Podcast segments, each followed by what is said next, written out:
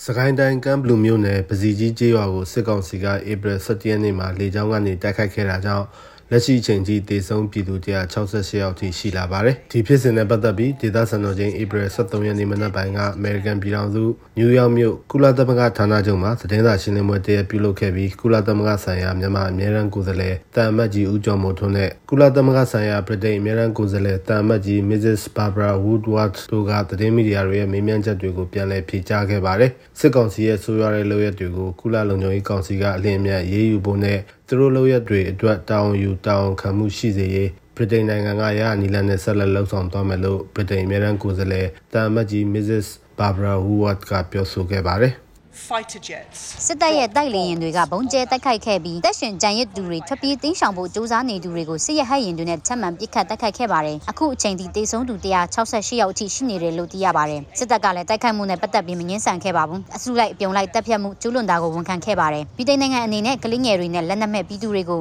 သူရဲဘောကြောင့်တိုက်ခိုက်ခဲ့တာကိုပြပြင်းထန်ထန်ကန့်ကွက်ရှုံချပါတယ်။ဒီလောက်ရဟာပြည်ပြည်ဆိုင်ရာဥပဒေကိုချိုးဖောက်တာဖြစ်ပြီးဘလို့မှခုခံခြေပနိုင်မဲ့အကြောင်းရင်းမရှိပါဘူး။ပြည်ထောင်နိုင်ငံအနေနဲ့စစ်တပ်ကမြန်မာပြည်သူတွေအပေါ်ဖိနှိပ်ခဲ့တဲ့လောက်ရအားလုံးအတွက်တာဝန်ယူမှုတာဝန်ခံမှုရှိဖို့ရရနီလန်နဲ့ဆက်လက်လှုပ်ဆောင်သွားပါမယ်ဆရာနာသိမ်းပြီးနောက်ပိုင်းမြန်မာစစ်တပ်စီကိုလက်နက်နဲ့တိုက်ခိုက်ရေးကိရိယာတွေရောက်ရှိနေတဲ့လမ်းကြောင်းတွေကိုပိတ်ဆို့ဖို့စစ်ကောင်ဆောင်တွေအပါအဝင်ဆက်ဆက်သူလူပုဂ္ဂိုလ်အယောက်20နဲ့အဖွဲ့အစည်း29ခုထိဗြိတိန်အစိုးရကရေးယူပိတ်ဆို့တာတွေပြုလုပ်ခဲ့ပါတယ်။ပစီကြီးကျေးရွာပြစ်ခတ်မှုမှာမြို့သားညီညွတ်ရေးအစိုးရ NUG ကလက်ခံရရှိထားတဲ့သတင်းအချက်အလက်တွေအရ ရွာသူရွာသား168ယောက်သေဆုံးခဲ့ပြီးအဲ့ဒီအထက်မှာကလေးငယ်35ယောက်မြို့သမီး28ယောက်ပါဝင်ခဲ့ပါတယ် on behalf of the people of ကျွန်တော်အနေနဲ့နိုင်ငံတကာအတိုင်းဝိုင်းအထူးသဖြင့်ကုလလုံခြုံရေးကောင်စီအနေနဲ့မြန်မာပြည်သူတွေရဲ့တပ်အိုးအိမ်တွေကိုကယ်တင်ပေးဖို့စစ်အာဏာရှင်ရဲ့ပြစ်ဒဏ်ခတ်ခံရမှုကင်းလွတ်နေတာကိုပြီးတိုင်အဆုံးသတ်နိုင်မှုမြန်မာပြည်သူတွေကိုစားတောင်းဆိုလိုပါတယ်။ဒေတာတွင်မတည်ငြိမ်မှုပိုဆိုးရလာတာတွေကိုကြိုတင်ကာကွယ်နိုင်မဲ့ထိရောက်တဲ့အရေးယူဆောင်ရွက်မှုတွေချက်ချင်းဆောင်ရွက်ပေးဖို့တောင်းဆိုချင်ပါတယ်။ of the region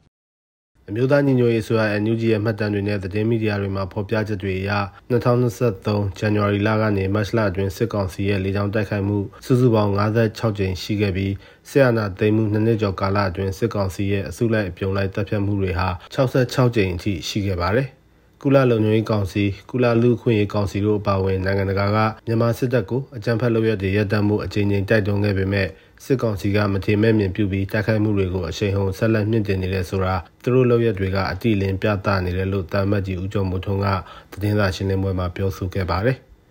ကျွန်တော်တုဒ္ဒချန်တာပါ